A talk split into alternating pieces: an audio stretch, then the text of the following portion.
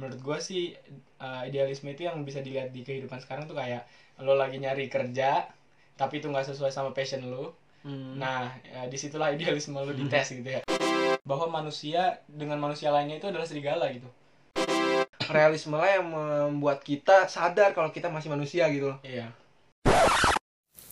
Podcast Masa Muda Bercerita.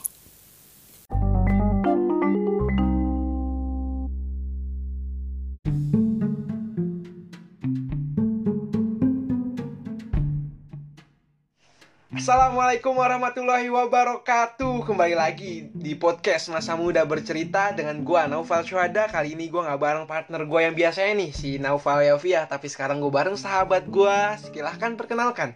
Halo assalamualaikum guys semuanya. Para pendengar masa muda bercerita. Sebuah kehormatan tidak bisa diundang di podcast lu Nama lu siapa? oh iya nama gua itu Hasbi Syuhada Oke, kita dua Syuhada Ya, coy jadi uh, sejarahnya dikit jadi kita itu dulu uh, bikin kampanye ketua osis sama wakil ketua osis lebih mudah memenangkannya gara-gara nama kita sama gitu. Kon- apa, apa namanya sih, ya begitulah Ya, sama. Oke, Nibi, terima kasih udah suatu kehormatan juga nih udah mau mengisi podcast Masa Muda Bercerita. Pertama nih, apa sih yang mau kita bahas nih di podcast kali ini? Eh, menurut gue ini sesuai sama judul judul apa ya nama channel podcast lu gitu ya? Iya. nama pod- podcast lu kan tentang masa muda bercerita. Jadi yang bakal kita bicarain sekarang ini adalah tentang ya hal-hal yang relate dengan masa muda. Dan ini menurut gue masalah yang sangat umum yang gue juga sedang rasakan teman-teman gue juga sedang rasakan yaitu tentang idealisme Hmm, oke oke Ah, oke. tentang idealisme. Tentang idealisme nih, Bi. Oke, berarti kan kalau misalnya tentang idealisme ini apa sih, Bi? Perken eh, istilah pengertian idealisme gitu yang pernah lu baca, yang pernah lu tahu lah. Eh, jadi tuh kalau secara filsafatnya gitu ya, Da. Hmm. filsafatnya itu mengatakan kalau idealisme adalah didefinisikan sebagai eh, sebuah keyakinan tidak enggak jadi sebuah kepercayaan bahwa kebenaran yang tertinggi itu datangnya dari ide gitu Hmm, nah oke. terus hal-hal yang realita yang ada di sekelilingnya itu sebenarnya manifestasi daripada ide nah cuman untuk pembahasannya sekarang nggak nggak lebih kepada itu cuman gue menggunakan definisi lain yaitu idealisme adalah sebuah eh, kepercayaan yang dianut oleh seseorang yang diyakini dia sebagai sesuatu yang paling benar dan juga eh, itu biasanya berasal dari kepercayaan culture atau budaya terus juga yang berasal dari pengalaman hidup itu eh, apa namanya secara bahasanya aja ya jadi kalau misalkan kalau menurut gue sih eh, idealisme itu yang bisa dilihat di kehidupan sekarang tuh kayak lo lagi nyari kerja tapi itu nggak sesuai sama passion lo Hmm. nah ya, di situlah idealisme lo dites gitu ya kayaknya sih kayak gitu ya Oke oke oke. Berarti lebih ke arah tentang suatu ide ya. Hmm. Oke, bi- kalau misalkan kita melihat bahwa idealisme ini bukan kita melihat ini adalah bukan oh idealisme ini adalah bukan konsep yang baru ya kan. Hmm. Konsep yang udah lama bahkan eh, sebelum Indonesia Hmm. ada gitu kan ya. Hmm. Nah, kalau yang pernah lu tahu nih pemikiran-pemikiran sejarah lah dari pertama kali nih dicetuskan si- oleh siapa gitu nih eh, idealisme Eh, ini. Iya ya, jadi eh, tentang idealisme ini pertamanya yang gue tahu sih dari literatur itu memang dia diserap dari eh, teorinya Plotus, seorang filsuf Yunani kuno yang judulnya itu teori teori of ideas kalau nggak salah. Hmm. Nah, tapi eh, itu udah nggak terlalu relevan kalau misalnya kita mau eh, diartikan dalam situasi Sekarang. kontemporer sekarang gitu ya. Kalau gue lebih ngambil case-case dulu nih, kayak misalkan Martin Luther ya, seorang apa namanya protester yang ada di Jerman, dia itu juga eh, bentuk bagaimana sebenarnya idealisme itu berfungsi dalam merubah satu tatanan gitu ya.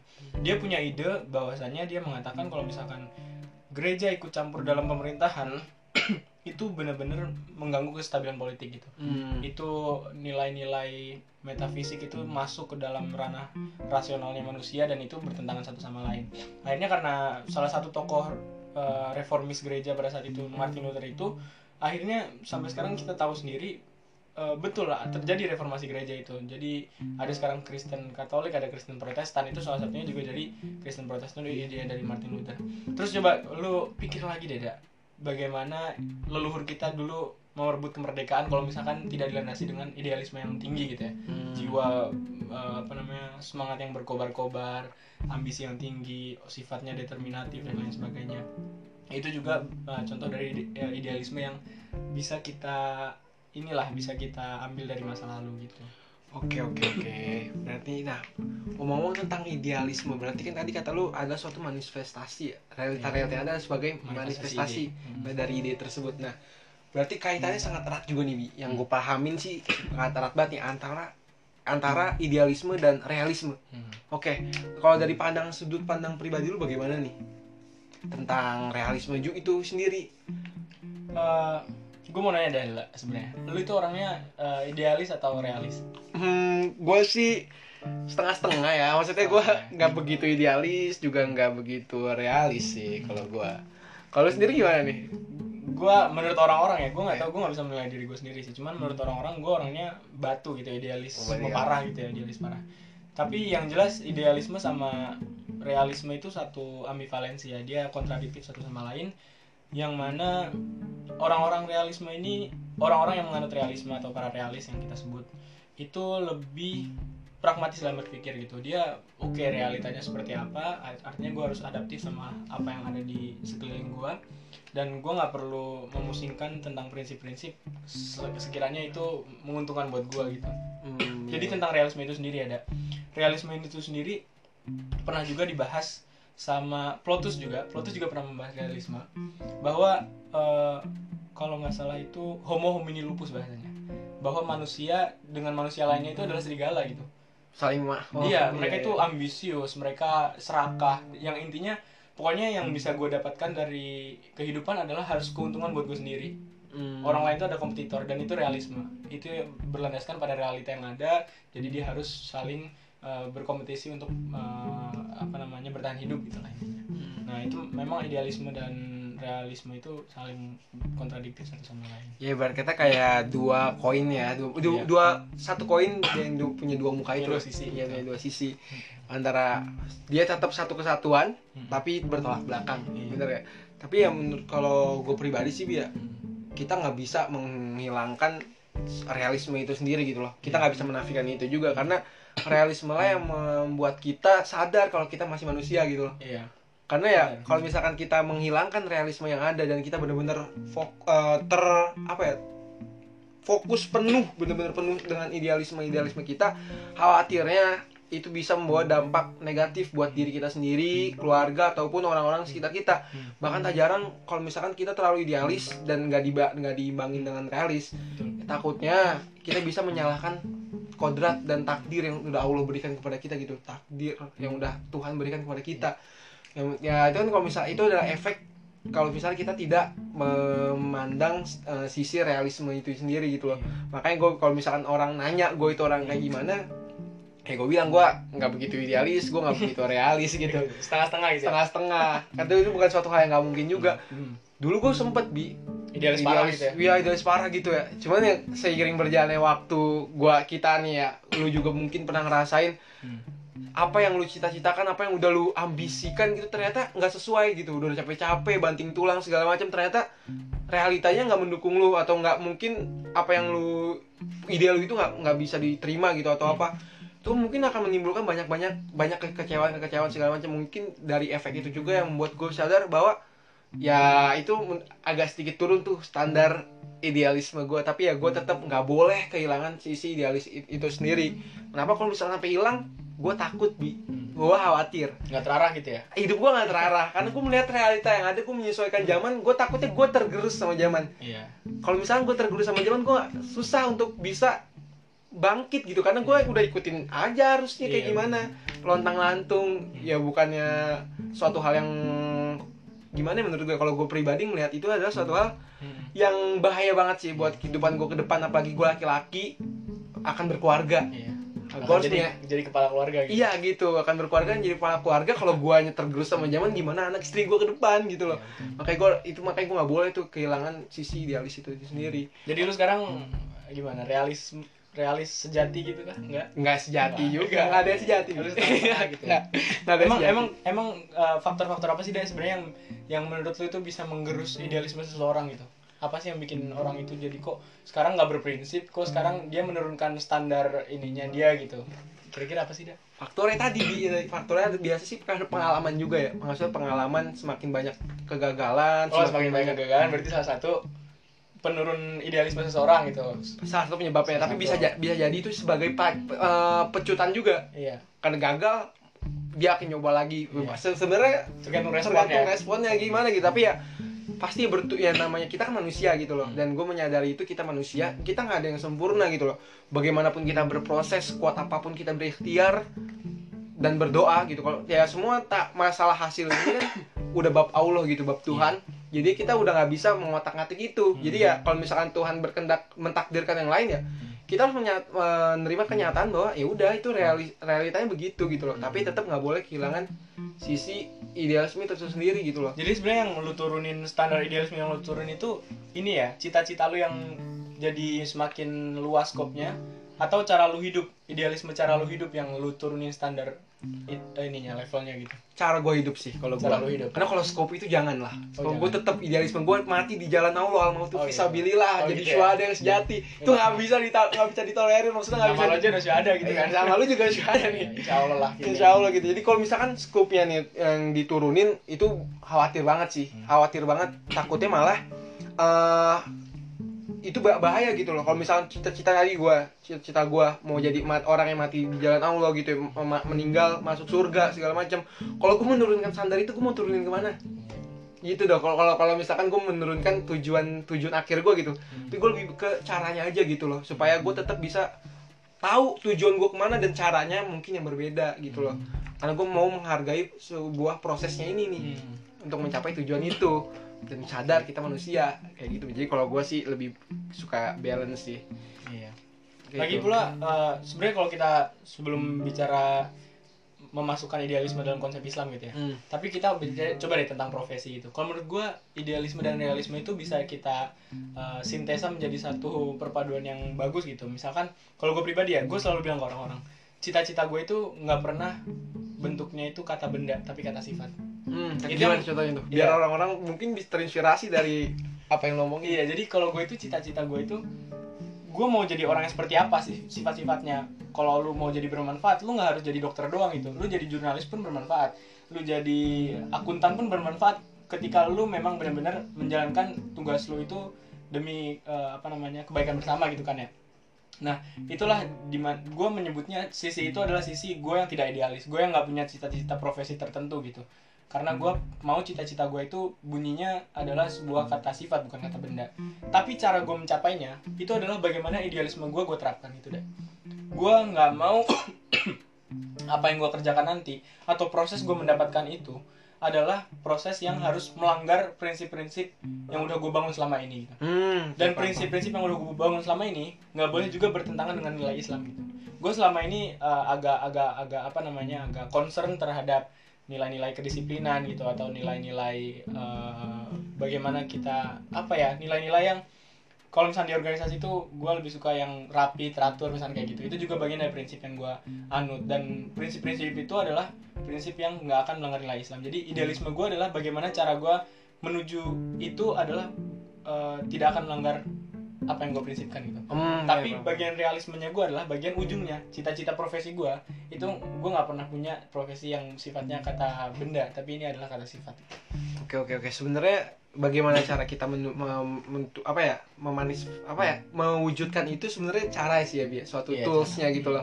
Kayak tadi kalau gua kan yang penting tujuan gua Hmm. apa itu caranya beda. Kalau lu yang penting caranya lebih lu utamain. iya Sebenarnya eh, yang penting itu cuma tools ya bi. Yang Iya. tujuannya baik gitu kan bener Iya, gak sih? betul, betul. Oke berarti kalau misalkan kayak gitu pas banget nih kalau misalkan gue mau nanya kalau nih kita diskusi tentang idealis dalam konsep Islam gitu loh. iya Yang lu pahamin sendiri itu gimana sih? Hmm, gimana ya, Da? menurut gue ya idealisme yang udah kita bicarakan tadi kan kebagi jadi dua ya ada yang idealisme cita-cita ada yang idealis idealisme proses gitu ya Hmm. nah di dalam Islam juga begitu ada yang membedakan idealisme Islam dengan umum coba kita bicarakan sedikit tentang cita-cita ya di idealisme umum semua orang atau semua yang menganut idealisme itu eh, punya target akhir cita-cita yang lokasinya adalah sebelum mereka mati gitu Hmm, iya, iya. apakah itu profesi apakah itu tatanan manusia apakah itu eh, apa namanya ideologi sebuah negara dia bercita-cita merubahnya gitu kan itu kan sebuah idealisme juga kan Betul. nah sementara di idealisme muslim itu cita-cita semua umat muslim itu disamakan yaitu berada di setelah ketika ketika kita meninggal yaitu kita semua berharap kita masuk surga gitu kan ya. itu yang membedakan nah yang kedua adalah idealisme dalam proses gitu ya dah itu membedakan idealisme muslim dan idealisme secara umum idealisme secara umum itu mengatakan tadi yang seperti gue udah bilang di awal kalau misalkan ide apa namanya kebenaran yang nyata eh, kebenaran yang paling hakiki itu berasal dari ide itu sendiri gitu kan Iya. nah sementara dalam Islam kita kan punya hukum syari kita juga punya apa namanya Al-Quran dan hadis yang itu berasal dari perintah Allah Subhanahu Wa Taala gitu. Itu bukan berasal dari ide manusia. Nah idealisme dalam proses ini menuju cita-cita itu diaplikasikan oleh setiap umat muslim bagaimana dia menahan dirinya dari dosa menahan dirinya dari berbuat maksiat gitu. Kita kan dari kecil eh, ada yang terlahir muslim ada atau ada yang tidak terlahir muslim tapi setidaknya setiap muslim mengetahui dosa-dosa yang dilarang dalam Islam seperti berbuat zina berbuat ini A B D C dan D dan sebagainya dosa-dosa itu. Maka idealisme itu diterapkan bagaimana kita memastikan kewajiban dan larangan-larangan dalam agama itu kita aplikasikan dalam kehidupan kita. Walaupun dengan catatan kita nggak mungkin sama sekali melakukan kewajiban 100% atau melanggar juga dengan Bener-bener. 100% atau Iya. tidak sama sekali melanggar malahan gitu itu kan nggak mungkin nah yang keren dalam idealisme muslim ini prosesnya adalah Allah itu eh, maha mengampuni hamba-hambanya Allah itu maha apa namanya menghapuskan dosa-dosanya asal kita bertobat nah makanya idealisme muslim dalam proses ini lebih dinamis karena sewaktu-waktu kita berbuat kesalahan terhadap idealisme itu sendiri kita memiliki Allah yang punya wewenang untuk menghapuskan itu semua dan uh, menjadi motivasi bagi kita sendiri untuk setelah kita melakukan kesalahan kita harus membuat uh, bayaran yang lebih baik daripada yang sebelumnya gitu. Betul banget sih, bener banget, bener banget. Oke. Bi. Kalau menurut lo nih, ya, seberapa penting sih idealisme itu harus ada dalam setiap muslim? Menurut lo? menurut gue penting banget karena kenapa karena lu pernah denger dong eh, satu hadis gitu ya yang mengatakan bahwa Islam itu datang dalam keadaan asing dan juga di akhir zaman nanti Islam akan juga terasingkan gitu Iya. Bayangin deh kalau misalkan dalam kondisi kita yang se- sedang terasingkan ini kalau kita nggak memiliki prinsip-prinsip yang ideal dalam hidup kita yang kita nggak yakini bahwa itu benar. Sekarang ada yang uh, sampai mengatakan bahwa uh, kita uh, nggak perlu menutup aurat baik sebagai laki ataupun perempuan ada yang membolehkan LGBT dan lain sebagainya. Dan itu semakin marak dan semakin lebih umum daripada yang bilang bahwa LGBT itu nggak boleh gitu. Nah paham-paham ini kan kalau misalkan kita semakin minoritas itu maksudnya secara pemahaman kita semakin kecil gitu ya itu kita akan jadi terasingkan oleh mereka sendiri. Dan itulah pentingnya idealisme muslim. Supaya kita itu benar-benar jadi orang-orang yang ikut membombardir de demoralisasi gitu ya. Kita yang nggak ikut terseret dalam arus-arus itu gitu.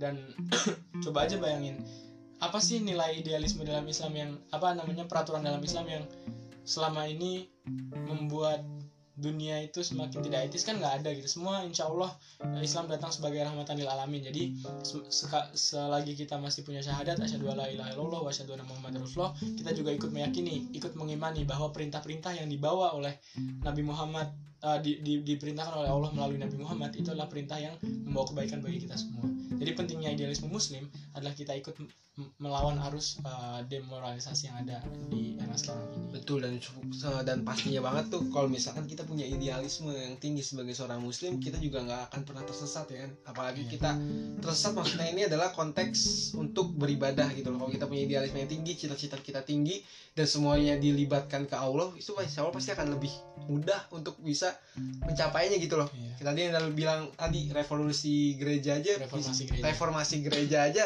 bisa gitu kan ya. Masa kita yang udah jelas punya Allah gitu masa nggak bisa gitu kan ya. Oke Bi, makasih banyak nih atas sharingnya. Bener-bener intinya bermanfaat banget sih. Semoga aja ini untuk teman-teman pendengar Hmm. eh, bisa mengambil manfaat dari obrolan kita pada hari ini. Iya. tapi kalau misalkan ada yang kurang berkenan dari di hati teman-teman semua kami mohon maaf sebesar-besarnya. Oke bi penutupan dari lu dulu nih. Eh, dari gue sekian itu aja sih dak. Gue terima kasih sekali lagi buat lu karena udah mau ngajak gue ikut eh, berbagi di podcast lu gue sama kayak Syuhada kalau ada yang salah dari gue semoga bisa dibuang jauh-jauh dari oleh teman-teman sekalian tapi ada yang bermanfaat semoga bisa diambil sekian dari gue sih assalamualaikum warahmatullahi wabarakatuh Oke Bi, ka- ke- kita ketemu lagi kapan-kapan di podcast selanjutnya ya di episode episode selanjutnya mungkin akan agak ada lagi nih Bi bahasan-bahasan eh, poin khusus yang akan kita bahas berdua atau mungkin nanti bertiga. Oke Bi, oke semuanya terima kasih. Wassalamualaikum warahmatullahi wabarakatuh. Waalaikumsalam warahmatullahi wabarakatuh Terima kasih telah mendengarkan podcast Masa Muda Bercerita.